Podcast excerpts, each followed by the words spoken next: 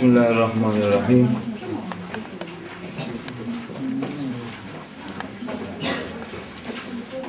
Ve bihi nesta'in. İki hafta ara verdik. Çok uzun bir ara. Ara veriyoruz hayırlısı. Ama arayı biz verdik. Siz devam ettiniz zaten. Ha, benimki ara sayılmaz çünkü çok yorucu bir 10 gün ge- geçirdim. Allah zayi etmesin. Peygamberimizi anlattık. Peygamberimizi Kur'an'ın anlattığı gibi anlattık. Ne aşırı yücelterek peygamberi uçurduk ne de peygambere gerek yoktur diyerek onu taca attık. İkisini de yapmadık. Hazreti Peygamberi Yüce Allah'ın tanıttığı gibi tanıtmaya gayret ettik. O itibarla yurt içinde ve yurt dışında toplam 10 konuşma yaptık. Çok dolu dolu bir süreç yaşadık elhamdülillah. Peygamberimizin bu seneki ilan edilen konu rahmet, merhamet eğitimi. Hazreti Peygamber'in alemlere rahmet oluşu ve merhamet eğitimi diye belirlenmişti. Ben de Hazreti Peygamber'in rahmet oluşunu dört ana başlık halinde işlemeye çalıştım. Dört ana başlığın bir tanesi peygamberimizi Kur'an-ı Kerim'de Allahu Teala karanlıkları aydınlığa çıkartan ya da insanlıkla insanlığı karanlıklardan aydınlığa ulaştıran bir misyonla tanıtıyor. Biz de karanlıklar nelerdir? Aydınlık nedir? O temel öge üzerinde durarak konuşmalarımızı yapmaya gayret ettik. Dört ana başlık belirledim dedim. Dört ana başlıktan karanlıklar anlamında dört ana başlık. İnsanlığın Peygamberimizin gönderildiği dönemdeki en önemli karanlığı insanların hayat hakkına yönelik karanlık idi. Yani insanlar birbirlerini fütursuzca öldürüyorlardı. Bir hukuksuzluk hakimdi topluma. O hukuksuzluk insan hayatını hiçe sayıyordu. Öyle ki kız çocuklarını bu iş çok daha yakından ilgilendiriyordu. Kız çocuklarını diri diri gömüyorlardı biliyorsunuz. Bunu çok dinlemişsinizdir. Bunu ben de çok kullandım, anlattım. Nasıl yapıyorlardı? Niçin yapıyorlardı? Bunu böyle anlatınca çok önemli bir soruyla karşı karşıya geldik zaman zaman. Bu soru şuydu. Kur'an-ı Kerim işte Mekke müşriklerinin bu hayat hakkına kasıtlarını kız çocuklarını diri diri gömmelerini bize anlatan ayetleri şu anda Kur'an'da var. 5-6 surede bu konuyla ilgili ayetler var. Ama şu gün insan oğlu, insan nesli böyle bir canavarlık yapmıyor. Yani kız çocuklarını öldürmüyor kimse.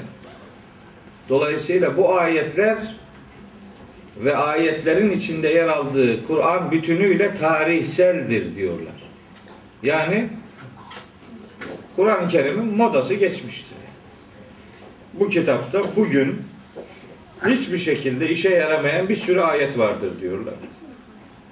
Bu ayetler bu kitapta bulunduğu için kitabın tamamı geçersizdir. Allah Mekke ve Medine'ye yönelik bir 22 yıllık fotoğraf çekti. Siz şimdi bu fotoğrafa bakarak kendi durumunuzu sorgulayın. Ama ışığınızı bu kitaptan almanıza gerek yok. Çünkü kitabın motiflerinin modası çok geçti diyorlar. Ne diyeceksiniz buna? Adam böyle çok yoğun bir şey var. Yoğun bir e, fikir bombardımanı var bununla ilgili. Bizi kendi malzemelerimizle vuruyorlar tabi. Çünkü biz bu kültürün sahipleri olarak ya şu boğuyor beni arkadaş ya. Yani. Bu kültürün sahipleri olarak ya hiç sorma ya. Allah hür yarattı bizi. Boğuyoruz, köle köleleştiriyoruz kendimizi ya. Katma şimdi sinirden. evet. Bizi kendi kendi argümanlarımızla vuruyorlar. Ne diyorlar? Diyorlar ki kardeşim siz demiyor musunuz ki bu kitaptaki bazı hükümler kaldırılmıştır? Bunu siz söylemiyor musunuz? Yazık ki söylüyoruz. İşte bu surenin başında size uzun uzadıya anlattım. Nesih diye bir sıkıntı var. Kendi kendimize diyoruz ki bu ayet bu ayeti dövdü. Bu ayet bu ayeti yendi ve mağlup olan ayetin hükmü kalktı. Kendisi kendisi duruyor. Niye duruyorsa artık. Bu sayı böyle bir tane iki tane filan değil. Bunu 500'e çıkartanlar var. 500 ayeti. Lan 500 ayet zaten o kadar ahkam ayeti zaten yok. Yani bu ne biçim bir mantıktır? Ayetlerin içini boşalttık. Siz şimdi bu kadar malzeme verirseniz yeter. Bunu başkası tepe tepe kullanır. İçini istediği gibi doldurur. Kendi silahınızla size ateş eder. Sen diyemezsin ki yok canım bizim böyle 5-10 tane ayetten konuşuyoruz. Hepsinden konuşmuyoruz. Buna kimse itibar etmez. Hamdolsun şükür olsun. Ben Kur'an'da hükümsüz ayet olduğuna inanmıyorum.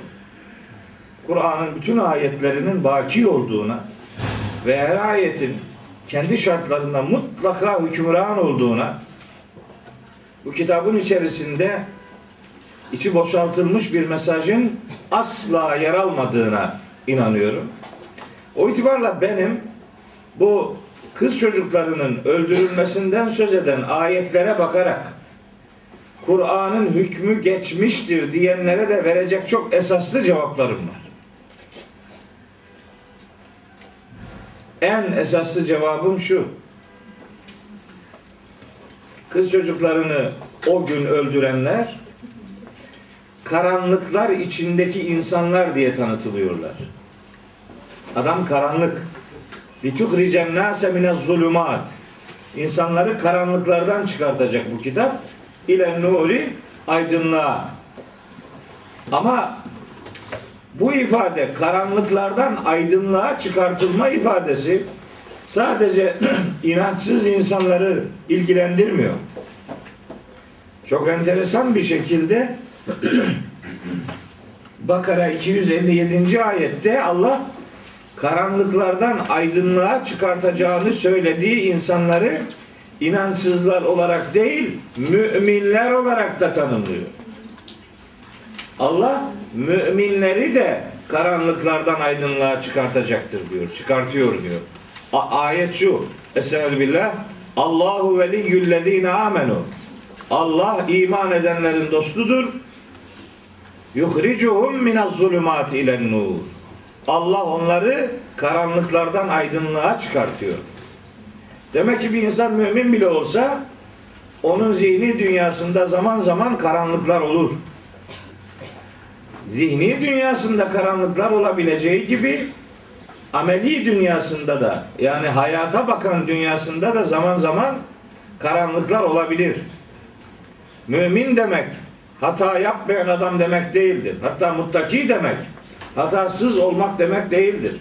Muttaki, muhsin ve mümin olmak demek bile bile hatada ısrar etmemektir demektir. Ve yaptığı bir hatayı hata olduğunu anladığında ondan vazgeçebilmek anlamına gelir. Hatasızlık söz konusu değil. Bizde de bu anlamda karanlıklar var. Şimdi ben meseleyi oradan mümin hayata taşıyorum. Diyorum ki müminler de bugün yaşadıkları hayatın içerisinde çocuklarını öldürme noktasında çok temel birkaç yanlış yapıyorlar. Çok temel. Bir, çocuklarına haram gıdalar yedirerek onların genlerini bozuyorlar. Öldürüyor. Peyderpey öldürüyor yani. Bir anda öldürmüyor da peyderpey. Haram gıda yedirerek onun genini bozuyor. Kimyasıyla oynuyor. Onu adeta ateşe çeviriyor. Bu bir öldürmektir. Bakın öyle sloganik bir cümle olsun diye söylemiyorum bunu. Bunun ayetleri var. Nisa suresi 10. ayet son derece açık. İnsanların ve özellikle yetimlerin mallarını haksız yere yiyenler karınlarına ateş dolduranlardır diyor Allahu Teala. Haram gıda ateştir. Vücudu, nesli yakar diyor Allahu Teala. Burada harama bulaşanlar mahşerde ateşe yaslanacaklardır diyor. Ve seyaslevne se'ira. Ateşe, kavurucu ateşe yaslanacaktır. Burada haksız yere zulmederek insanların ve yetimlerin mallarını yiyenler. Bir bu. Bir tane daha var. Nisa suresinin 29. ayeti. Bakın ne buyuruyor? Ne buyuruyor? Estağfirullah. Ya eyyühellezine amenu. Ey iman edenler. La te'kulu emvaleküm beyneküm bil batili. Mallarınızı aranızda batıl yollarla yemeyin. Yani birbirinize haksızlık etmeyin. Zulmederek birbirinizin malını gasp etmeyin. İlla en tekune ticareten an teradın minküm. İstiyorsa bu haksız yemek birbirinizle ticaret yoluyla anlaştığınız ticaret yoluyla bile olsa haksızlık yaparak mallarınızı yemeyin. E ticaret yapıyoruz ve anlaştık. Alan razı, veren razı. Niye bu yasaklanıyor demeyesiniz. Alan razı, veren razı işlerinin başında faizcilik gelir. Alan memnun, veren memnun, faizcilik gırla gidiyor memlekette. Bu hiçbir zaman affedilebilir, hoş görülebilir bir tavır değildir. Yahut da adam bir ticarete mecbur bırakılmıştır. Ticarete mecbur bırakılıp gasp illa hırsızlık veya zorbalıkla almak demek değildir. Bir adamı bir şeye mecbur ederek ondan istifade ederseniz bu da malı haksız yere yemektir. Biliyorsunuz, duymuşsunuzdur. Mesela tarım ürünlerini millet satamıyor. Adam gidiyor o aracı komisyoncular bir kamyon karpuzu işte 100 liraya yükleyip geliyor. Adam mecbur yapacağı bir şey yok. Evet o da razı. Veren de razı ne yapsın adam? Ama o razı olmaya mecbur bırakılmış. Yüreğinden razılık söz konusu değil. Bu ayet onu diyor. Mecburen rızaya mahkum edilmiş. Böylece ticaret yaparak bile olsa aranızda mallarınızı haksız yere yemeyin. Ve la taktulu enfuseküm. Böylece kendinizi öldürmeyin. Bak malları haksız yere yemek kendini öldürmek demektir. İşte biz neslimize yaptığımız en büyük kötülüklerden birini bu haram gıdalarla beslenme olarak algılayabiliriz. Bu da bir çeşit öldürmektir. Bu ayette öldürmek demek yani haram gıdalar yiyerek kendinizi öldürmeyin demektir bu. Yoksa adam kendi kendine silah çekip intihar etmekten söz etmiyor bu. Ticaretle haksız mal, mal kazancıyla ilişkili bir mesaj verir bu ayeti kerime. Biri bu. Bir diğeri biz çocuklarımızı iyi ahlakla yetiştirmeyerek manen öldürüyoruz. Manen öldürme devam ediyor. Bir adamın çocuğuna güzel ahlaktan öte başka bir miras bırakamaz diyor Peygamberimiz. En kıymetli miras güzel ahlaktan oluşan mirastır diyor. Peki çocuklarına güzel ahlak veremeyen insanlar aslında çocuklarını öldürenlerdir. Manen. Süreç halinde öldürüyor. Bir anda öldürmüyor ama adeta ölüme terk ediyor. Bu ikincisi. Onları doğru eğitmeyerek onların beyinlerini öldürüyoruz. Bu da başka bir cinayettir. Onlara doğru bilgi vermeden onları öldürüyoruz. Eğitemiyoruz. ilgilenmiyoruz. Mevlam çayı saldım çayıra Mevlam kayıra ne hali varsa görsün diyerek müthiş bir duyarsızlık ortaya koyuyoruz. O da bir mecazi öldürme biçimidir. Ama bütün bunlar öyle ya da böyle bir çeşit başkaları tarafından farklı yorumlanabilir. Ama bizim çocuklarımızla ilgili öyle bir öldürme eylemimiz var ki buna kimse karşı çıkamaz. Nedir o? Rahimdeki çocukları öldürmek. Rahimdeki çocukları öldürmek bugün tarihin hiçbir döneminde olmadığı kadar yaygındır. Ve üstelik bunu yapanlar da kürtaj muamelesine giderken abdest alarak gidenlerdir. Dönüşte de gusül abdesti alanlardır. Yani. Müminler yani. Rahmine Allah'ın emanet ettiği çocuğu kürtajla oradan aldıran bir insan anne kelimesini hak etmiyor. Ona ana denmez. O tam bir canidir. Cinayet işlemiştir. Çeşitli vesilelerle söyledim. Bir daha söyleyeyim. Allahu Teala annelerin rahminin adını kendi merhamet sıfatından üreterek vermiştir. Rahim, Rahman, Rahim, Rahmet, merhamet kelimeleriyle aynı kökten gelir. İlahi merhametin tecelli ettiği yerdir rahim. Merhametin tecelligahı olan rahimleri cinayet mekanlarına dönüştürüyor şu gün insanlar. Bir çocuğu öldürmek illa doğduktan sonra öldürmek demek değil ki. Sen çocuğu doğamadan öldürüyorsun. Yani onun doğum hakkını bile elinden alıyorsun. Ve bir takım kendine göre gerekçelerde buluyorsun. Ne diyorsun? İşte istemeden oldu bu çocuk. Ve istemiyorduk oldu. Tabi. Öyle yutturuyorsun ki leylekler getirdi seni. İstemeden olmuş. Bir çocuk döllenme yaşandığı andan itibaren muhterem bir insan mesabesindedir. Döllenme olduğu andan itibaren bir muhterem insandır. Bakın Kur'an-ı Kerim'de çok nefis ayetler var.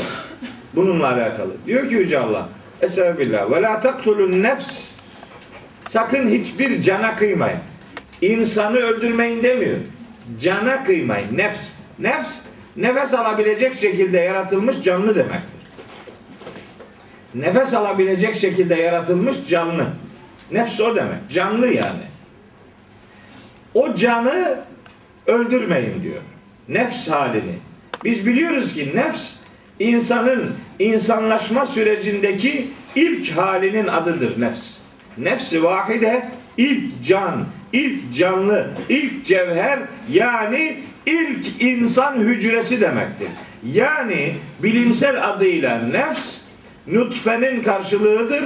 Nefs ile nutfe aslında zigot demektir. 23 kromozom erkekten 23 kromozom kadından birleşir de nutfe-i emşac halini alırsa yani döllenmiş yumurta halini alırsa onun adı zigottur ve zigot minyatür insan demektir. Onun bütün insana ait özellikleri onun genlerine yerleştirilmiştir. O artık minyatür bir insandır. Onun adı nefstir. Nefs kelimesini kullanıyor Allahu Teala. Henüz tam insan demiyor ona. Fakat öldürülmenin yasaklandığı ayetlerde de kullanılan kelime aynı kelimedir. Ve la taktulun nefs Canı öldürmeyin. Hangi can? Elleti harramallahu. Allah'ın haram kıldığı can. Allah'ın öldürülmesini haram kıldığı can anlamıyla karşılanan o ifadenin asıl anlamı o değildir biliyor musunuz? Allah'ın haram kıldığı demek, Allah'ın muhterem kıldığı demektir. Allah'ın saygın kıldığı demektir. Mescid-i Haram var değil mi? Mescid-i Haram, haram yasak mescit demek değil. Mescid-i Haram saygın mescit demektir. Muhterem mescit demektir. İnsan da Allah için saygın, hatta belki en saygın varlıklardan biridir. O cana sakın ha kıymayın diyor. En'am 151. ayette. Maide 32. ayette ise buyuruyor ki men katele nefsen bi gayri nefsin bir cana karşılık olmaksızın her kim bir canı öldürürse bak men katele nefsen bir canı öldürürse feke ennema katelen nase cemi'a bütün insanları öldürmüş gibidir. Bir canı öldüren bütün insanları öldürmüş gibidir. Kullanılan kelime nefis kelimesi. Nefs. Niye bunun üzerinde bu kadar duruyorum biliyor musunuz? Niye bu kadar bağırıyorum biliyor musunuz? Bu ümmetten bazıları var ki yatacak yeri yok onun için. Yatacak yeri yok. Öyle yalandan ağlama numaraları yapıyorlar. Ey sahabiler öyleydi de biz öyle niye olamadık da bu kafirler bu müşrikler ne zalim adamlarmış kızlarını öldürüyorlar da filan. Sen sen senin durumun ne? Kürtaj yaptıran katildir bak. Söylüyorum. Katildir. Cinayet işlemiştir. Sadece kürtaj yaptıran da değil. Sadece kürtaj yaptıran da değil. Daha ileri düzeyde vücuduna müdahale ettirip döllenmiş bir zigotu rahime gitmesin diye öldürenler de aynı cinayet işliyorlar. Döllenmiş bir yumurtayı rahme giderken yolda öldüren müdahale de aynen kürtaj gibidir. Onun ne olduğunu siz çok iyi bilirsiniz. Bütün konuşmalarımda bu mesele üzerinde durdum bu sene. Bunu anlattım. Dedim ki belki bir canı olsun kurtarırız. Bir canı kurtaralım. Yeter. Şimdi ayetlerin modası geçti diyorlar. Kim dedi? Ne modası geçti? İnsanlık tarihi içerisinde karnındaki çocuğu öldürmek kadar büyük bir canavarlığı kimse yapmamıştı. Bu ayetler ve Kur'an tarihseldir diyenlere ilanen haykırıyorum. Bu ayetler asla tarihsel değildir ve tarihin her döneminden daha çok bugüne mesajı vardır onların. Öldürüyor çocuklarını anne. Sözüm ona anne diyen denen kadınlar. Ya da bu işe yol veren baba. Babalar çocuklarını öldürüyorlar. Hazreti Peygamber'in alemlere rahmet oluşunun en önemli noktası hayat hakkına dair tebliğ ettiği bir cana kıymak bütün insanları öldürmekle eşdeğerdir mesajıdır. Çok özet olarak ifade etmiş oldum. Yoksa tabi bunun üzerinde en az 2 saat, 3 saat konuştum, konuşurum. Okuyacak onlarca ayet var.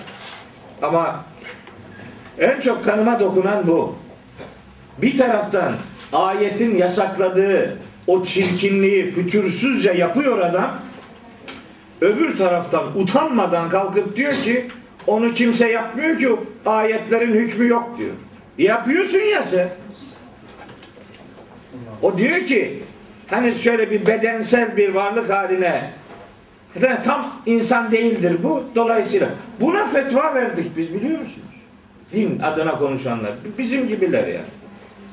İlahiyat hocaları ya. O ünvanı var. O hoca yarım metre ünvanlı adamlar. Profesör doktor. Çok büyük iş. Profesörmüş yani. Ne yapalım? Ne profesörler tanıyoruz biz. Öf. İmama rahmet okutuyor. Hiç. Hiç metelik yok Allah'a bin şükür yani. Hiç hiçbir şey yok. Ünvanı var. Olsun. Kürtaj. Dört aya kadar kürtaj yapılabilir. Nasıl? Ruh dördüncü ayda üfleniyor. Öyle mi? Allah beraber miydiniz o üflerken? Yani tam sana mı danıştı? Ne zaman üfleyelim buna ruh? Nereden biliyorsun sen ya? Üç aya kadar kürtaj caizdir. Göreceğiz ruzi mahşerde. Bunu söylemenin faturasının ne olduğunu göreceğiz. Bunu söylemenin faturası nedir biliyor musunuz? Bunu söylemenin de, bunu yapmanın da, buna aracılık, aracı olmanın da karşılığı Tekvir suresinde Ruzi Mahşer'de diriltildiğinde ilk sorunun bununla ilgili sorulmasına neden olmaktır. Kıyamet koptuktan sonra, mahşer kurulduktan sonra kızını veya oğlunu rahminde veya dünyaya geldikten sonra öldüren adamlara öldüren adamlara bile sorulmayacak. Çünkü onlar adam değil. Öldüren kadınlara sorulmayacak. Çünkü onlar ana değil. Onlar sorulmaya layık, soru sorulmaya layık bir insan bile değiller onlar. Allah soruyu annelere ve babalara sormayacak. Kız çocuklarına soracak. Ve izel mev'udetü suilet. Diri diri gömülen kız çocuğuna sorulacak. Bi eyyi zembin kutilet. Hangi günahından dolayı öldürüldüğü. Bakın daha amel defterleri açılmamış ha. Henüz amel defterleri yok. Daha Rabbin kimdir kimse sormuyor. Namaz kıldın mı, oruç tuttun mu filan bunlar yok. Amel defteri daha açılmamış. O adamın ilk sorusu ya da o kadının ilk sorusu ve izel mev'udetü suilet bi eyyizen min kutilet.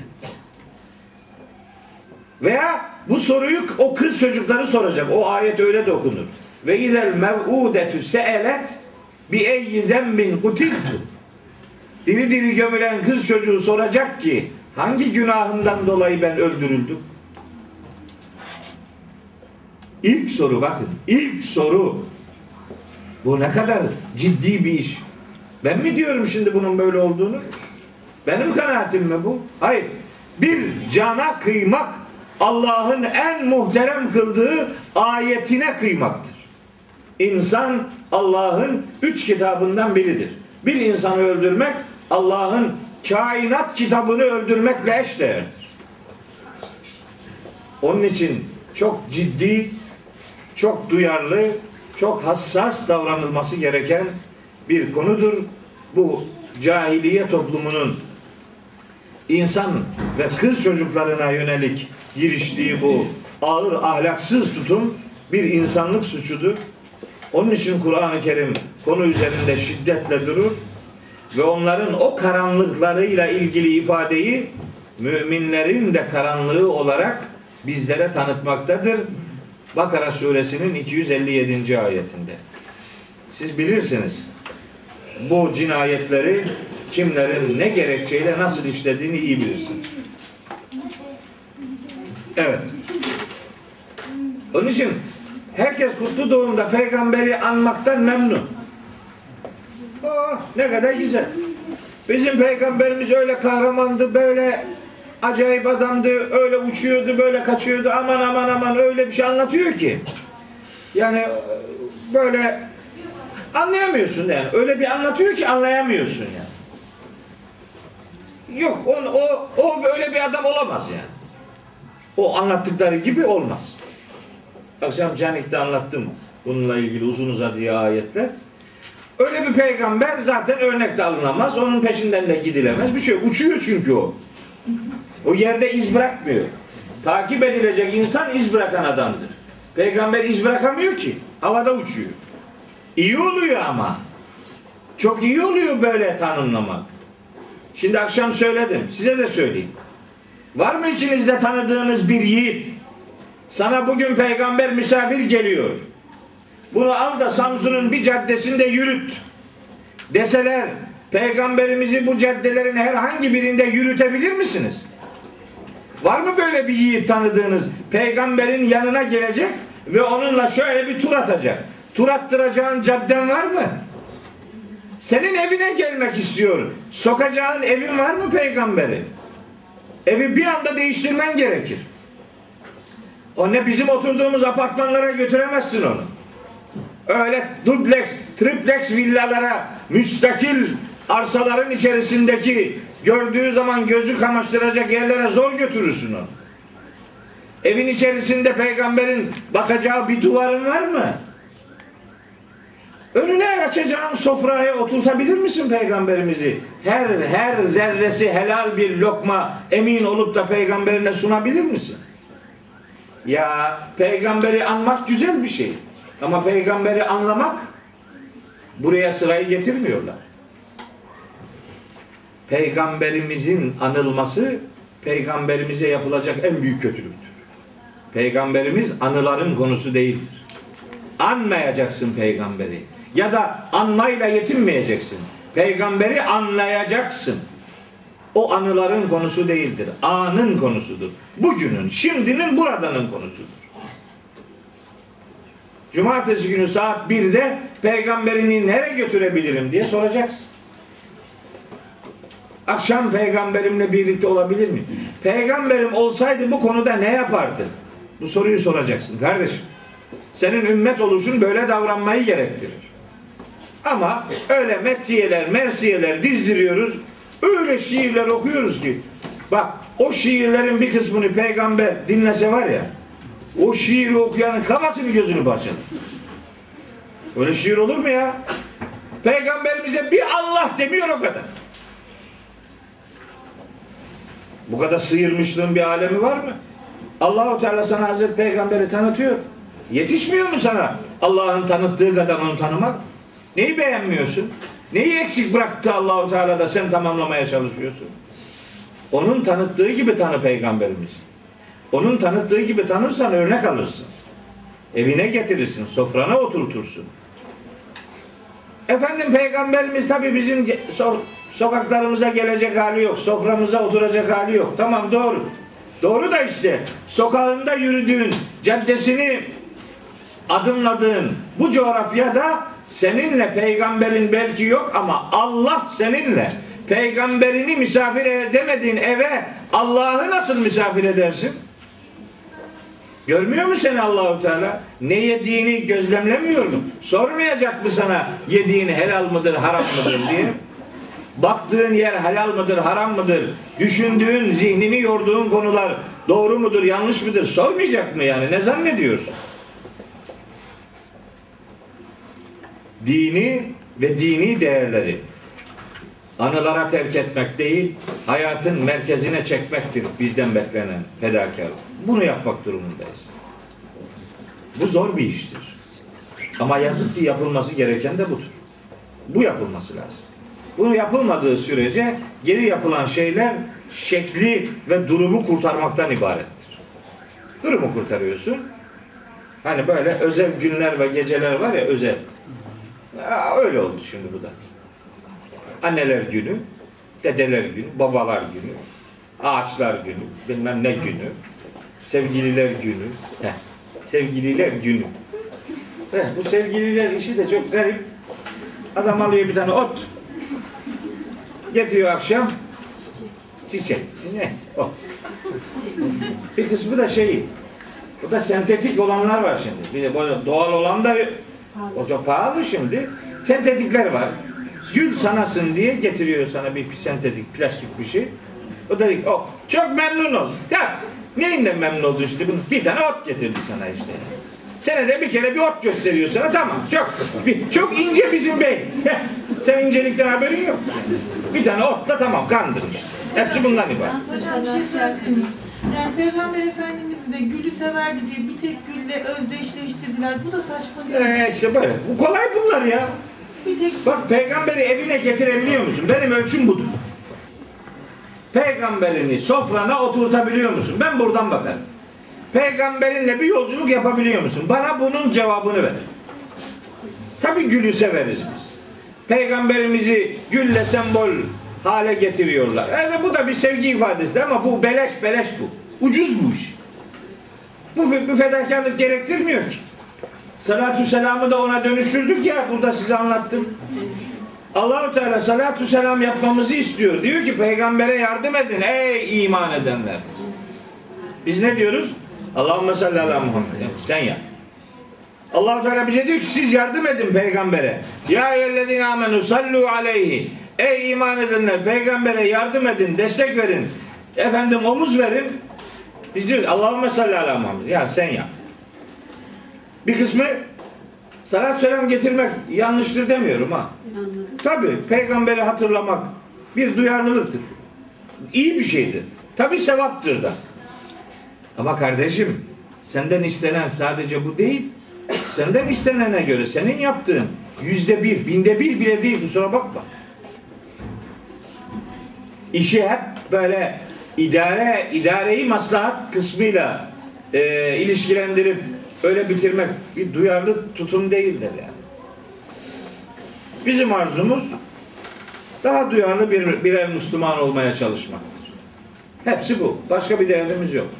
Başka bir meselemiz yok. O duyarlı olmanın yolu da vahye sarılmaktan geçer. Bu kutlu doğumları da vahiy ile ilişkilendiren organizasyonlara dönüştürmek durumundayız. Milletimizin gerçekten bu kutlu doğumlara itibarı çok çok üst düzeyde yani. Gerçekten. Ya düşünebiliyor musun? 6 bin nüfuslu bir ilçeye gidiyorsun. 6 bin. 6 bin nüfuslu ilçeden 2 bin kişi konferans salonu. Bu ne kadar büyük bir sevgi ya. Niye istismar ediyoruz şimdi bunu? O büyük nimeti bilgilenmeye dönüştürmek varken niye bunu geçiştiriyoruz? Kolay. Peygamberimiz demiş ya işte yessiru ve la tuassiru kolaylaştırın zorlaştırmayın. Bizimki de kolaylaştırmak adına dini ne kadar hassasiyet varsa hepsini taca. Maksadı değil ki. Maksadı yanlış anlamanın bir alemi yok. Eğer o sizin bizim anladığımız gibi kolaylaştırmak, fedakarlıklardan uzaklaşmak olsaydı hiç kimse Mekke'de Medine'ye hicret etmez. Hiç gerek yoktu. Hiç kimse Bedir, Uhud, Hendek savaşlarını yapmaz. Tebük filan, Hüneyn gazvelerine gitmez. Hiç gerek yoktu. Selam selam getirirdi yatardı aşağıya olur biter. Ne olmuş? İmanın en ileri noktası yoldaki dikeni kaldırmaktır. Allah Allah. Yok bilmem mahşer kurulmuş da işte tam adamın amelleri sayılıyormuş.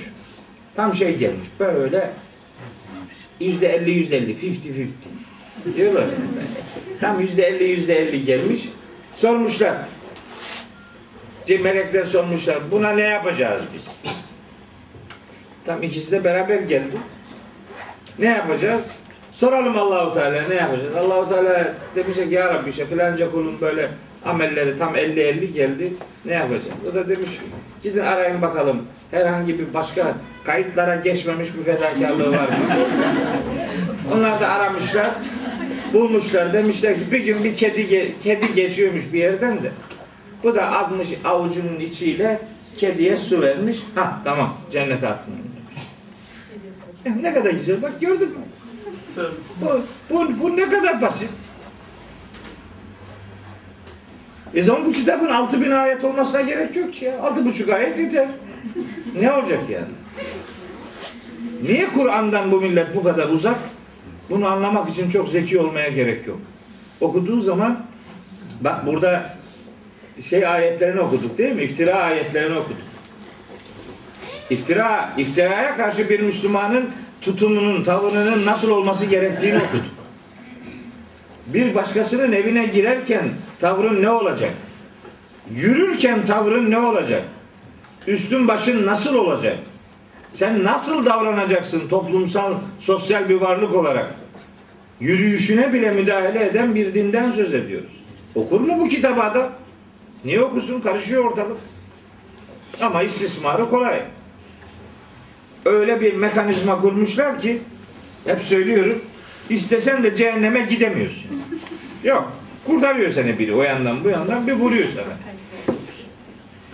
E ben de kurtulmak isterim de yani bu lüzumsuz boş bir beklentiyse buna kanmanın bir anlamı var mı? Kurtuluşun yolu kitaba uymaktan geçer. Biz kitaba uymak yerine kitabına uyduruyoruz. Kitabına uydurup gidiyoruz işte. Evet, böyle. Söylediklerimiz kitaptan olmamasına rağmen kitaptanmış gibi numara yapıyoruz. Ali İmran suresinde öyle çarpıcı bir ayet var. Söylediği kitaptan olmamasına rağmen, sözü Allah'ın katından olmamasına rağmen Allah'ın katındanmış zannını karşıdakilerine yutturanlardan söz ediyor Allahu Teala. Onlar ehli kitaptı. Çıkış yolu hazır. Onlar ehli kitaptı biz değiliz. Sen daha bin beterini yapıyorsun. Evet Ali İmran 78. ayet. Her neyse. Böyle bir hafta geçirdik.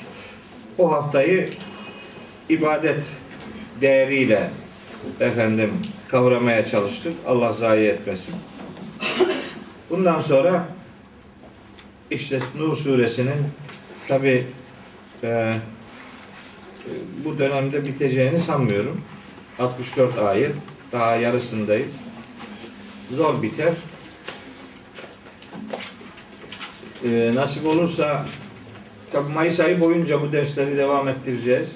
İnşallah. Yani belki bir mazeret olur, bir hafta bir şey olur bilmem ama bunun dışında herhangi bir şimdilik bir plan önümüzde görünmüyor. Mayıs ayının sonuna kadar hatta Haziran'ın ilk bir iki haftasında da ders yapma imkanımız olabilir.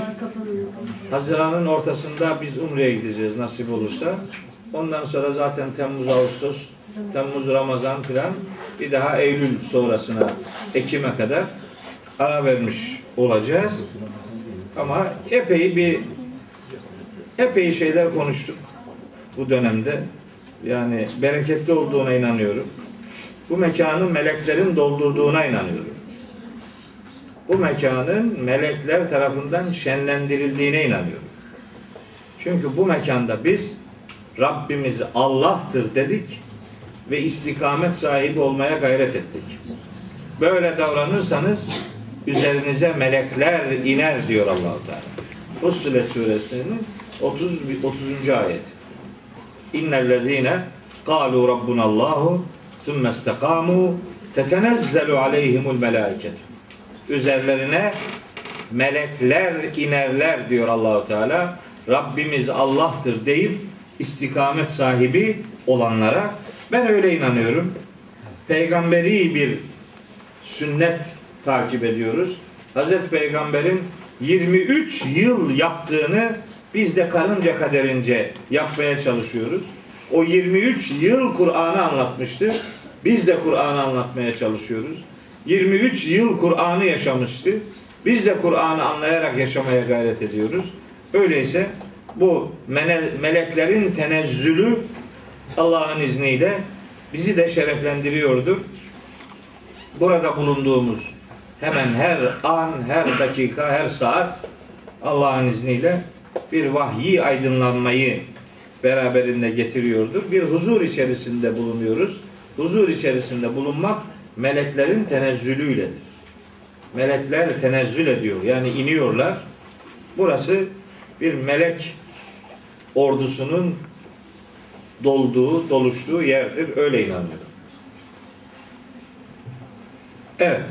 Şimdi Kur'an-ı Kerim'in en baba ayetlerinden bir ayet ile bugün dersi yapacağız.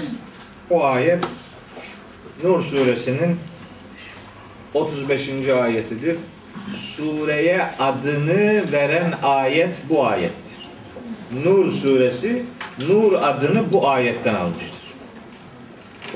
Gerçekten anlamakta oldukça zorlandığım ayetlerden biridir itiraf edeyim. Yani çok sembolik bir anlatımı var Cenab-ı Hakk'ın burada. Oldukça zorlandığım ayetlerden biridir. Hatta emin olun vallahi bu gece bu ayeti rüyamda gördüm. Bak yeminle söylüyorum rüyamda hep bu ayetle uğraşıyordum.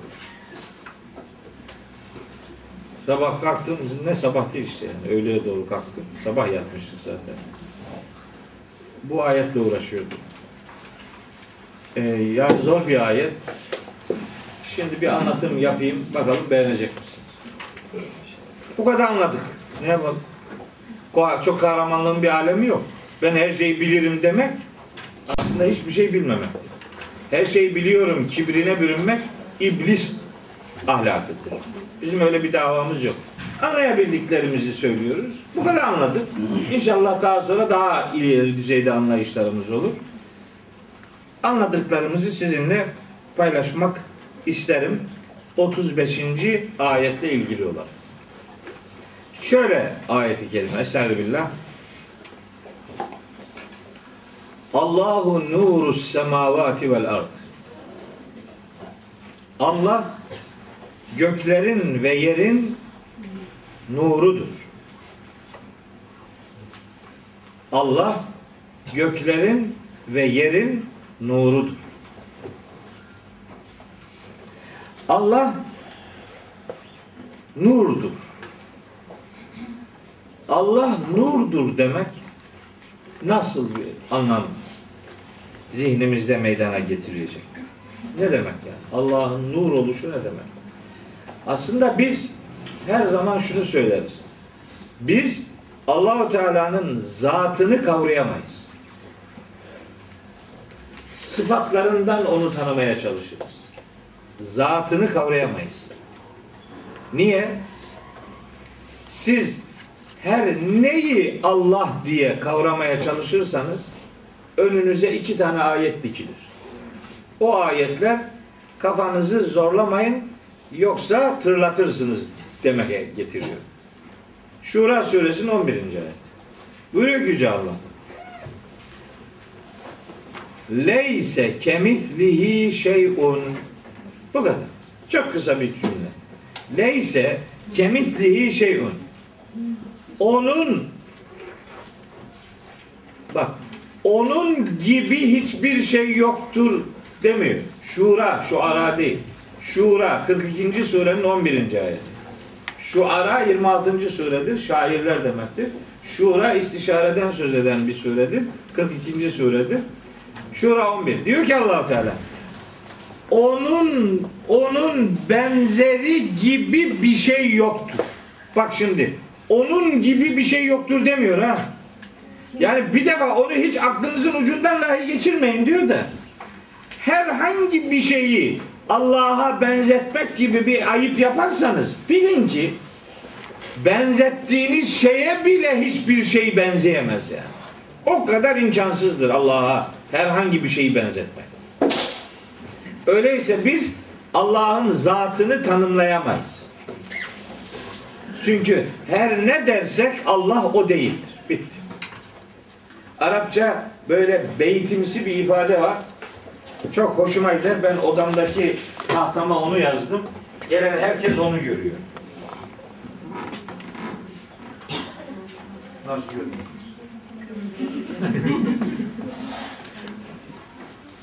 Bu taraflara bakıyorsun demek. Nerede? Ma hatara bibalik ma hatara bibalike Kalem geliyorsun. ma.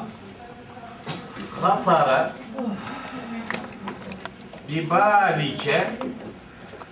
Bibalike. Fallahu gayru zalike. Ma hatara bibalike fallahu gayru zalike bu şu demek Bal akıl demek beyin yani. Ma hatara bi balike. Aklına, zihnine, beynine her ne geliyorsa yani hatırın ilk defa her ne ile buluşuyorsa bil ki Allah o değildir. Bil. Ma hatara bi balik fallahu gayru zalik. Aklına her ne geliyorsa bilesin ki Allah onun dışında bir şeydir. Zorlamanın bir anlamı yok demek istiyorum. Hiç uğraşma fuzuli yere. Buradan buradan bir şey çıkmaz. Leyse kemitli şey önün bu başka bir ifade biçimi yani. Aklına ne geliyorsa Allah o değil. Biz bunu başka bir ayetle de biliyoruz. Öyle değil mi? İhlas suresinde. Velem yekun lehu küfüven ahadun. Allah için hiçbir denk yoktur. Bitti. Allah'ın dengi hiçbir şey yoktur. O zaman sen hiçbir şeyi Allah'a benzetmeyeceksin. Bugün bursluluk sınavında onu sordular. Beşinci sınıflara yapılan sınav. Neyi? Size ayeti vermişler. Anlamı nedir diyor. Arapça. Evet, anlamı bu. Bildi mi çocuklar? Beşinci sınıflar. Beşinci sınıflara. Boşluk. İyi ne güzel. İptal etmesinler imtihanı. Evet. Demek ki biz şimdi Allahu Teala'nın sıfatlarını tanımaya çalışacağız. Zatını değil. Zatıyla ilgili söylenecek söz yok. Beyin buna müsait değil. Aşkın bir varlık mahluk tarafından kavranamaz. Böyle bir şey yok. Yani senin zihni dünya, senin algı dünyan, algıyı yaratan gücü kavrayamaz, algılayamaz, kuşatamaz. O zaman onun sıfatlarını tanımaya çalışırız. İşte bu ayet Allah'ın bir sıfatını tanıtan ayettir. Allah nurdur. Göklerin yerin nurudur demek. Allah göklerin ve yerin nurunun kaynağıdır demek yani göklerin ve yerin nurunun görünür olmasının vesilesidir. Sebebidir Allahu Teala. Allah kainatın maddi ışığının kaynağıdır. Allah nasıl ki kainatın maddi anlamda ışığının kaynağı ise Allah aynı zamanda kainatın manevi ışığının da kaynağıdır. Yani vahyin de kaynağıdır.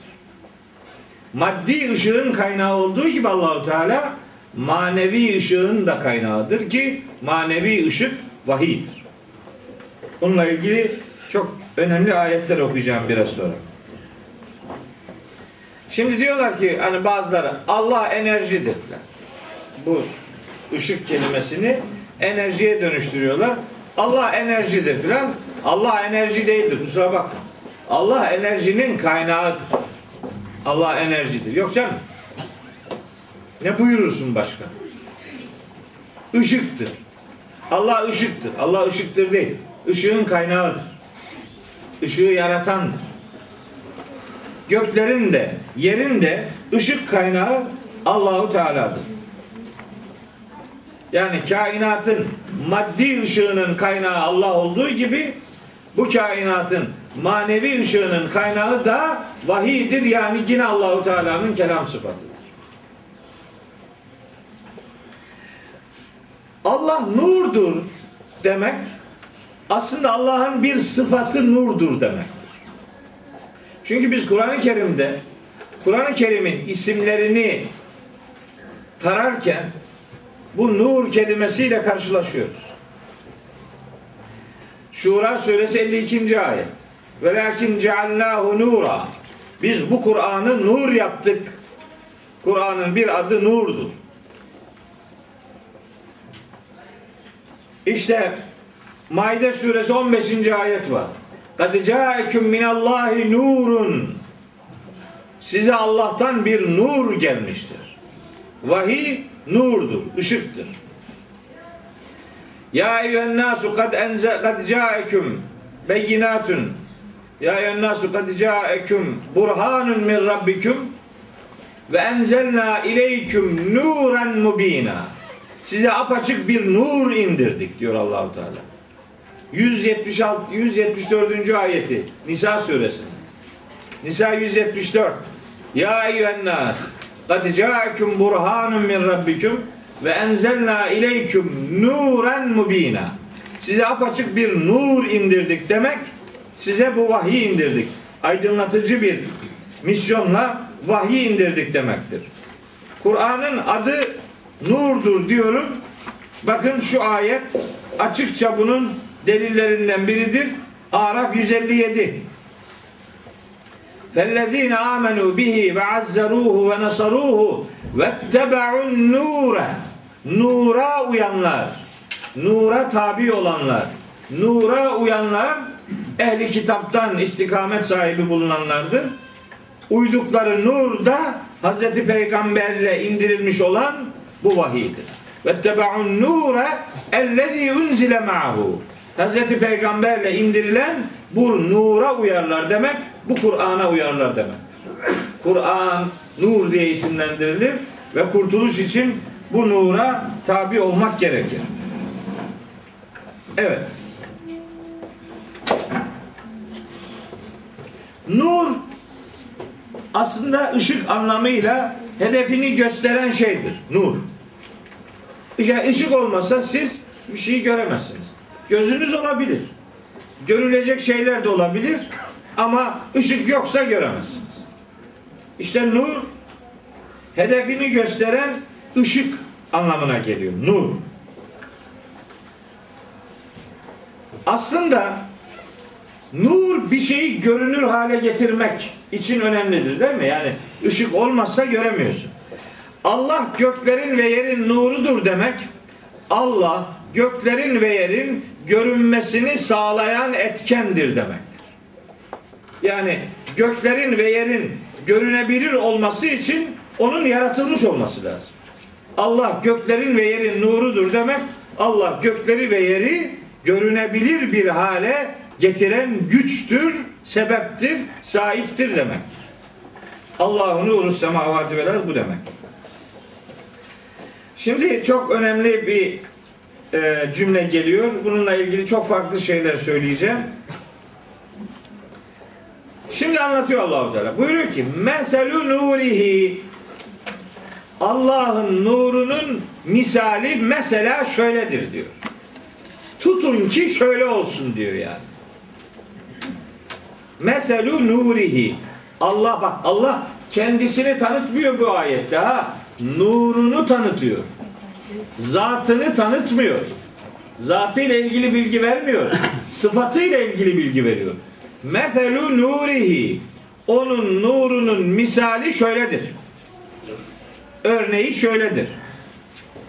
Nasıldır? Kemişkatin. Mişkat gibidir. Mişkat Mişkat e, böyle kandillerin içine yerleştirildiği o oyuğa diyorlar mişkat. Yani içine kandilin konulduğu oyuk. Şimdi bir Allah'ın nurunun anlatımı mesela şöyledir diyor. Bir mişkat düşünün diyor. Yani bir oyuk. Fiha o mişkatta yani o oyukta vardır misbahun. Bir misbah. Misbah kandil demek. Işık yani. ışık veren şey. Bir mişkatın içine konulmuş bir mısbah yani kandile benzer.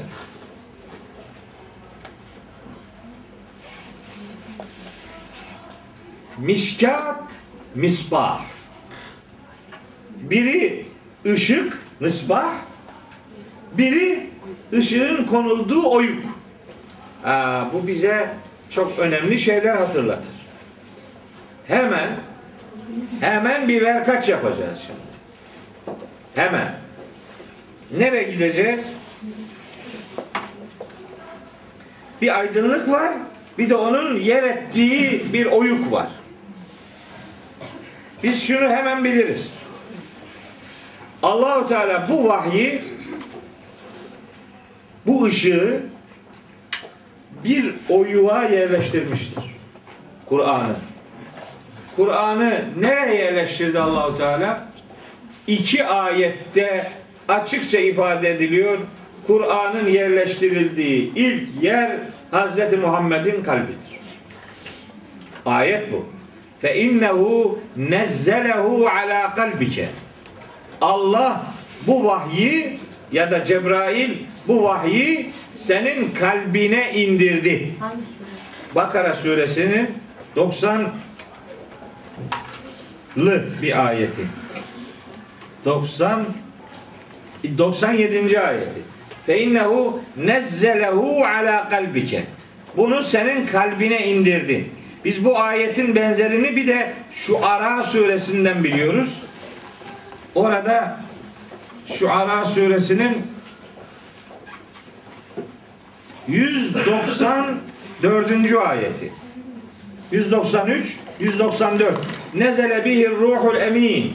Kur'an'ı güvenilir ruh indirmiştir. Ala kalbike senin kalbine. Senin kalbine bunu Allah'ın görevlendirdiği güvenilir ruh indirmiştir. Kalbine, peygamberimizin kalbine indirmiştir. Ondan sonra bakın nur kelimesini vahiy ile buluşturarak anlatıyoruz. Zümer suresinin 22. ayeti var. Zümer 22. Buyuruyor ki Yüce Allah orada. Efemen şerahallahu sadrahu lil İslami fehuve ala nurin min rabbihi. Allah'ın insanın gönlünü eğer İslam'a açmışsa ya da Allah'ın gönlünü İslam'a açtığı adam fehuve ala nurin min rabbihi Rabbinden bir nur üzerindedir. Allah'ın Allah yani kimin gönlünü İslam'a açarsa o adam Rabbinden bir nur üzeredir. Bak orada kullanılan kelime sadir kelimesidir. Sadir gönül demek. En Allah kimin Allah kimin gönlünü İslam'a açarsa o adam Rabbinden bir nur üzerindedir. Allah'ın nuruyla buluşmuş demektir o adam. Çünkü nur vahidir.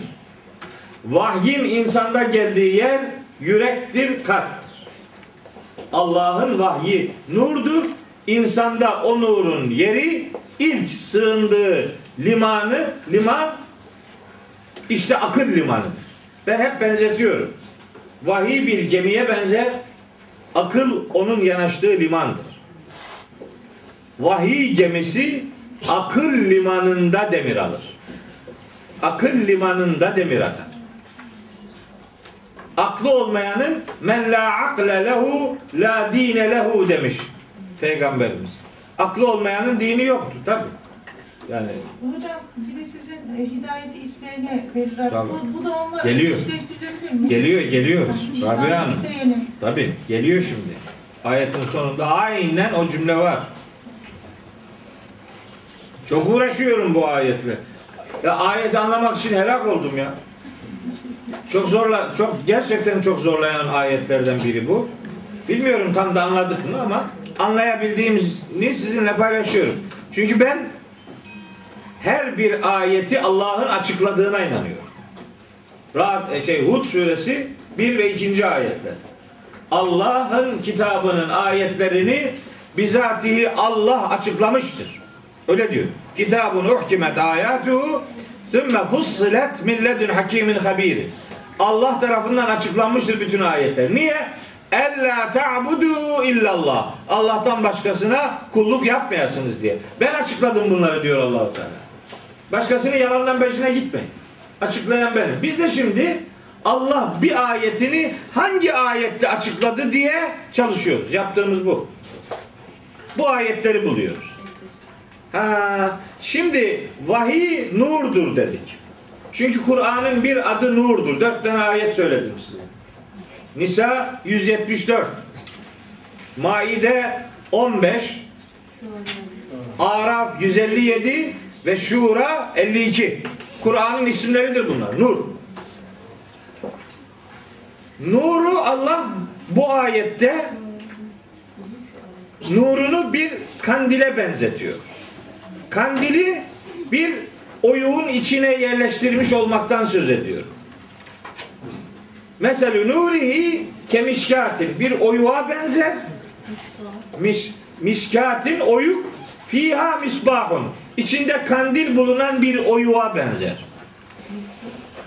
Misbah kandil, mişkat oyuk. Dedik ki kandille oyuk vahiy ile gönül ilişkisine benzer. Buradan ayetin mesajı ta bize kadar geliyor. Ne, nasıl geliyor? Çünkü Vakıa suresinin 75. ayetinde Yüce Allah vahyin yer ettiği gönüllere yemin ediyor. Fela uksimu bimevaki'in nucum. Vakıa suresinin 75. ayeti. Fela uksimu. Ötesi berisi yok. Ben yemin ediyorum diyor Allahu Teala. Bimevaki'in nucum. Yıldızların yerlerine. Yıldız necm Kur'an vahyinin adıdır. Vahyin yer ettiği gönüllere ben yemin ediyorum. Bakın vahiy nur, necm misbah. Onun yer ettiği gönüller, kalp, sad, mişkat. Vahyin yer ettiği e, adres insanın gönlüdür, yüreğidir, kalbidir. Diyebilirsiniz. İmanın imanın insanda yerleştiği yer kalp. Biz kalben iman ederiz yani. Çünkü herkes de kalp anlamı. Kalp var da yani kalbe vahiy indirdiyse Bence gönül desek daha uygun. herkesin de gönlü var. Gönülsüz adam olur mu? Öyle ama kimisi, kimisi e, Rabbim herkese inançlı yaratıyor da kimisi o gönlünü karartıyor. Tamam bizim de maksadımız Yani o e, kalbin, kalbin kendisi değil de gönül olarak açıklasak nasıl? ikisi aynı şey abla. Yani bu vahyi gönüle de indirse, kalbe de indirse sonuçta bunu kabul edenlerden söz ediyor yani. Vahyini yüreğine, kalbine indirenlerden söz ediyor. İndirmedi, indirmedi. O kendi sorunu. Ama Allah vahyin yer ettiği gönüllere yemin ediyor. Burayı şunu şununla bağlıyorum ben. Bu ayette madem ki mişkat diyor bir oyuk, madem ki misbah diyor bir kandil, madem ki konu Allah'ın nurudur yani Allah'ın vahyidir, vahyin konulduğu yer peygamberde kalptir, insanda sadırdır ve eee, bütün mümin olan insanların geneli içinde bunun adı mevaki'in nücumdur yani. Vahyin yer ettiği gönüller anlamına gelir. Sadır, kalp, mevaki yani. Bize getiriyorum onu da bir biz, bizimle de bir ilgisi olsun diye ona uğraşıyorum. Evet.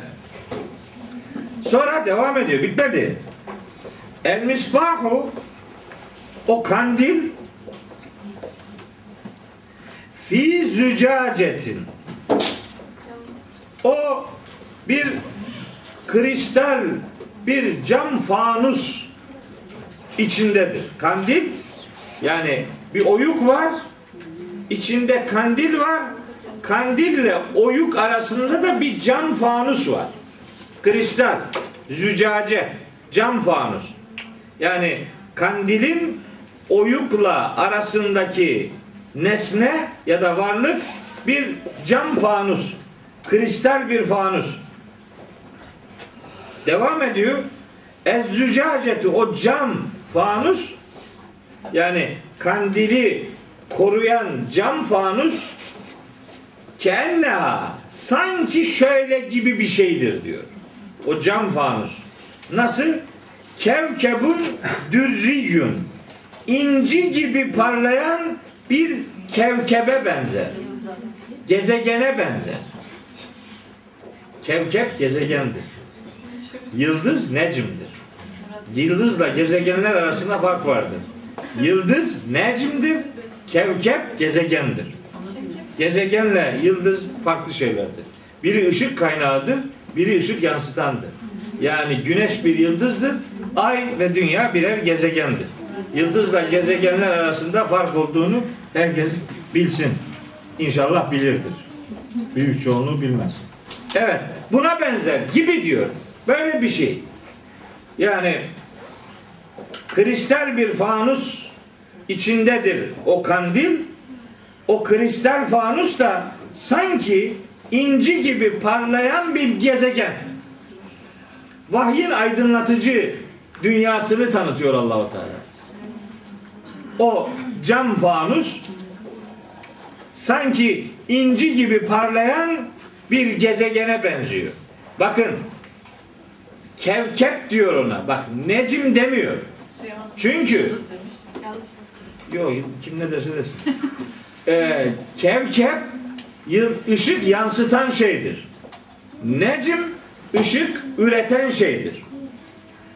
Allah misbaha misbaha dair bilgi vermiyor. Misbahın etrafındaki zücaceden söz ediyor. Yani o cam kristalden söz ediyor. Işığın kaynağı o cam değil. Işığın kaynağı cam olsaydı o zaman necim derdi burada. Necim demiyor, kevkep diyor. Çünkü gezegenler ışık kaynağı değildir. Işığı yansıtan şeylerdir. Züccace de ışığın kendisi değildir. Işığın etrafındaki cam cam kristaldir. Onu nitelendiren kelime necim olmaz. Kevkep olacak yani. Yani gezegen. Çünkü yansıtandır. Işığın kaynağı değil. Kenneha kevkebun dürriyün.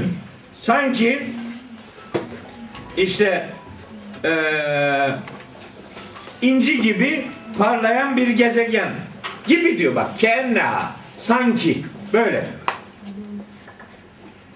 Hani diyorum bak güneşe dıya diyor Allah, aya nur diyor. Niçin?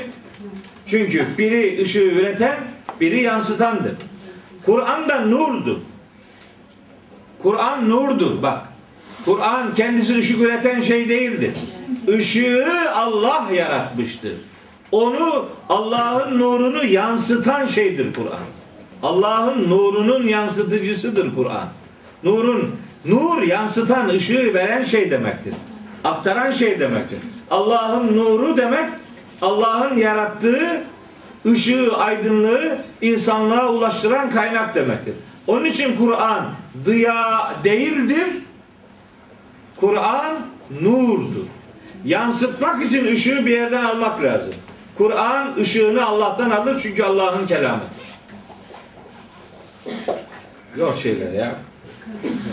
Yok ben zihnimde tamam mı? Hiçbir sorun yok da. Yani anlatırken ya ben ne kadar uğraştım buna. Öyle siz bir anlatmakta bir anlatmakta zor. Ben bir anlatmakta bunu anlatabilirsem çok mahir olur. O kadar mahir değil. Şimdilik ben bir ışık yakmaya çalışıyorum yüreğinizde. Bu ışığı yavaş yavaş siz besleyerek tam kandile dönüştüreceksiniz inşallah. Evet. Sonra yalnız kevkep ve necim kelimesinin farkını bu ayette çok iyi gözlemlemek lazım. Misbahı anlatmıyor Allahu Teala. Tutuşturulmuş sanki inci gibi parlayan gezegene benzetilen şey misbah değil, zücacedir. Yani misbahın da içinde bulunduğu o cam kristalden söz ediyor. Demek istiyor ki siz o kandili kavrayamazsınız. Ben size kandili yansıtmak durumunda olan camdan söz ediyorum. Hocam mealinde yıldız kullanılmış. Ya, yanlış ya. Gezegen olması lazım. Yıldız demiş mealde. Desin işte. Yanlış da yani. Ne derse desin. Hiç önemli değil. Hepsi yıldız demez. Ona gezegen diyen de çıkmıştır bir tane, iki tane. Yanlış. Tabii yanlış. Yanlış. Kevkep yıldız değil. Gezegen. Yıldız necim.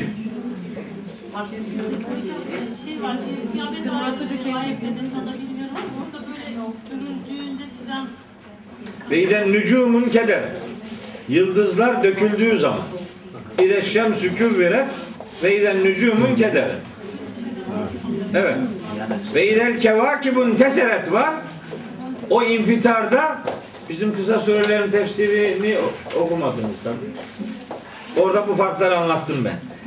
Kevakibin inteseretiyle nücumun ve inkedereti farklı şeylerdir. Yıldızın inkidarı kevakibin intisarından farklıdır. Girmeyeyim oraya kafanız Allah bullak olur. Hiç girmeyin. Hocam bu kevakibin başka ayeti varsa onu verin onlara bakalım. Var işte mesela. Ayet Bu sürenin dışında. Tabi tabi. Mesela Hz. Yusuf diyor ya inni ra'aytu ahada aşere kevkeben.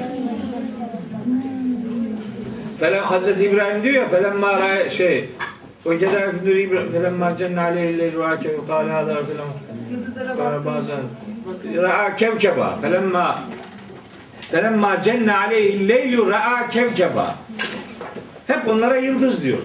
Yıldız değil. Onların adı gezegen. Gezegene bak. Gezegen görmek demek. Belki farklı bir yorum olmuş. Yanlış. Ya kolay işte daha. Hep kevkebede, necmede, yıldız demek kolay ya. Uzaktan gördüğümüz her şey. Ama işte bakın bu ayrım burada o kadar önemli ki onu o ayrımı bilmediğin zaman buradaki parlayan inci gibi parlayan ge- şeyin misbah olduğunu zannedersin. Halbuki parlayan şey misbah değil. Parlayan şey zücace. Yani o yansıtan şey yani. Yani nur olan kısmı. Yani yansıtıcı. Yani güneşle ayı düşünün. Güneş ışığın kaynağıdır. Ay yansıtıcısıdır. Bu ayette de mesela misbah güneştir. Zücace aydır yani. Onun için kevkep diyecek, necim demeyecek. Demedi zaten. Neyse. Üstad bunun şeklini çizer mi? Çizemem, çizemem. Nerede? Tamam ağladı bunları kafamda toparlayana kadar. Şekil olarak. Bir de şekil yaptık mı zaten ondan sonra diyecek orayı niye öyle yaptın? Buraya zaten çizim melekemde hiç hayat yoktu. Hiç anlamam o işte. Şu ayeti bitireyim. Zor bitmeyecek. Efendim inci gibi parlayan bir gezegene benzer. Zücaceye benziyor. Nur, nur, nurla ilgili verdiği bilgi. Şimdi misbahı anlatmıyor. Yani kandilin kendisini zaten kavrayamazsınız demek istiyor. Bu ben kandil benim zatım gibidir sayın. Benim zatımı anlayamazsınız siz. Sıfatlarından e, kavramaya gayret edin. İşte sıfat nedir? Misbah Allah'ın zatı mı? Yok yok ya öyle demiyorum ya öyle demiyorum kardeşim. Gibi yani e, Allah'ın zatıyla sıfatlarından hangisi kavranmaya çalışılır? Sıfatlar kavranmaya çalışılır. Zatı kavranamaz. Onun için Allahu Teala mısbahı tanıtmıyor. Zücaceyi tanıtıyor. Oradan bir e, düşünebilirsiniz. Neyin hakkında anlamaya çalışacağınızı iyi kavrayın demek istiyor. Yansıtıcıdan, zücaceden söz ediyorum. Misbahtan söz etmiyor ya. Bak bitmedi. Yukadu tutuşturulur o zücace. Min şeceretin mübareketin. Çok kıymetli bir ağaçtan. Zeytunetin. Yağ, yağ üreten ağaç. Zeytinyağı diyenler var. Önemli değil. Zeyt aslında yağ demektir. Zeytin yağı veya yağ üreten bir ağaçtan. Nasıl bir yağ bu? La şergiyetin ve la garbiyetin. Doğuya da nispet edilemez, batıya da nispet edilemez. Sakın adresini aramayın demek istiyor. Bulamazsınız. Öyle bir değişik bir ışık yansıtıcı bir misyonu var ki o ışığın yansıtılması tarif edilebilir bir şey değildir diyor. Işığı zaten tarif edemeyiz de diyor. E anlamazsınız da ışığı yansıtan şey bile kolay algılanabilir bir durumda değildir. Bir tutuşturulmuş yağdan söz ediyor. Bak insanın yağın yanması hani biliyorsunuz da isler mislerin oluşturulması o isin işte yanması bilmem nesi Bunları insanlar biliyor. Fakat öyle hesap edin ama diyor. Bu öyle bir yağdır ki ne doğuya nispet edilebilir ne batıya. Anlamazsınız bunu diyor. Herhangi bir mekan aklınıza gelmesin. Herhangi bir özel bitki de aklınıza gelmez. Ama Bısbahın kendisi değil. Zücace bile tutuşturulmak üzere böyle farklı bir görüntü veriyor diyor. Öyle öyle değişik bir işte parıldayan bir inci. O kadar ki yekâdü zeytuha sanki onun yağı neredeyse yekâdü neredeyse demek. Neredeyse onun yağı o zeytun denen işte o kaynağın doğuya da batıya da nispet edilemeyen edilemeyen o yağın kaynağı neredeyse yudiu ışık tutuşturacak, yakacak yani. Yakmıyor. Yakmıyor. Niye? Yakmıyor çünkü zücaceden söz ediyoruz. Misbahtan söz etmiyoruz. Işığın kaynağı değil bu. Yansıtıcının da çok sıra dışı bir yansıtıcı olduğunu anlatıyor. Neredeyse ışık tutuşturacak. Velem temsel sunarun. Aslında kendisine ışık ulaşmamış olmasına rağmen yani kendisi yanmamış, yakılmamış olmasına rağmen neredeyse ışık kendisi bile ışık verecek durumdadır diyor. O kadar aydınlatıcı bir züccaceden söz ediyoruz ki neredeyse kendisi tutuşturulmuş bir yağdan ateş kendisine ulaşmamış olmasına rağmen ateş meydana getirebilecek gibi bir durumdadır. Sembolik anlatım bunlar. Gibi. Neredeyse bak meselu, ke, yekadu hep sembolik anlatımlar. Böyle bir şey diyor. Ondan sonra ne diyor biliyor musunuz? Nurun ala nuri. Işık üzerine ışık. Kandilden kaynaklanan yansıtıcının şekillendirdiği merhale merhale ışıklar. Işık üzerine ışık. Sanki öyle bir züccaceden söz ediyor ki kendisi ışığın kaynağı olmamasına rağmen yansıtıcılığı bile kendisi ışık neredeyse ışık üretecek, üretebilecek durumda bir mahiyet arz ediyor. Sayın diyor ne kadar ışık hüzmeleri meydana gelir. Bu ışık hüzmeleri insanda zannım odur ki bütünüyle akli melekeleri vahyin aydınlığını ifade eder. Üstad bir şey sorayım. Bu da bu belki yani tarif Nur suresinin bütününü de yani kapsayan bir şey olarak değerlendirir. Belki sonraki hidayetle alakalı bağlı da. Ee, o dönemde vahyin geldi. Bu ayetin nüzul olduğu dönemde böyle bir lamba yani bizim bu ayet okulunda eskide işte köylerde ya da şehirlerde gaz lambası aklıma, camlı gaz lambası aklıma gelirdi yani. Evet. Yani o dönemde buna benzer bir yani asıl saadette kullanılan bir Vardır lamba- muhtemelen. Tabii canım. Yani na- nasıl Yani- nasıl aydınlanıyor gece insanlar? Mutlaka öyle bir aydınlatıcı bir şey vardır. Yani o insanlar o lamba şeklini e, Tabii. biliyor olmaları lazım. Tabii o temsil üzerinden gidiyor. Yani yani öyle bir kandil öyle bir kandil düşünün ki diyor. Bu kandili bir yerde mişkatta yani işte oyukta. Fakat kandille mişkat birebir temas halinde değil. Arada bir zücace var diyor. Bu zücace öyle parlayan bir durumdadır ki yani sanki ışık ateş ona dokunmamasına rağmen neredeyse ateş üretebilecek sanki ışık kaynağı gibi bir efendim vasıtalık oluşturan bir mahiyet arz ediyor. Onun meydana getirdiği bu ışık hüzmelerini düşünün. Mesela bu ampullerin e, işte mesela dışına dışına öyle bir şey yerleştiriyor ki adam aslında ışık içindedir. Mesela bakıyorsunuz ben bu trafik şey polislerin e, arabaların üzerindeki ışıklardan zaman zaman çok etkilenmişim. Lan nasıl oluyor bu ışık bir öyle oluyor bir böyle oluyor falan. Işık bir şey olduğu yok. Işık durduğu yerde duruyor. Zücacesi değişiyor. Yani dışındaki cam farklı bir mahiyetle oraya yerleştirilince farklı bir ışık meydana geliyor. Işık üzerine ışık işte. İşte biz buna vahiy diyoruz kardeş. Bunun adı vahiy. Niye vahiy diyoruz? Ayetin sonu öyle geliyor. Diyor ki Allahu Teala Yehdillahu linurihi men yeşâ. Biz şimdi bu ayetin cümlesini bildiğimiz için ikide bir vahiy deyip duruyoruz. Ne, ne geleceğini biliyorum çünkü. Yehdillahu. Allah ulaştırır. Linuri. işte bu nuruna kimi?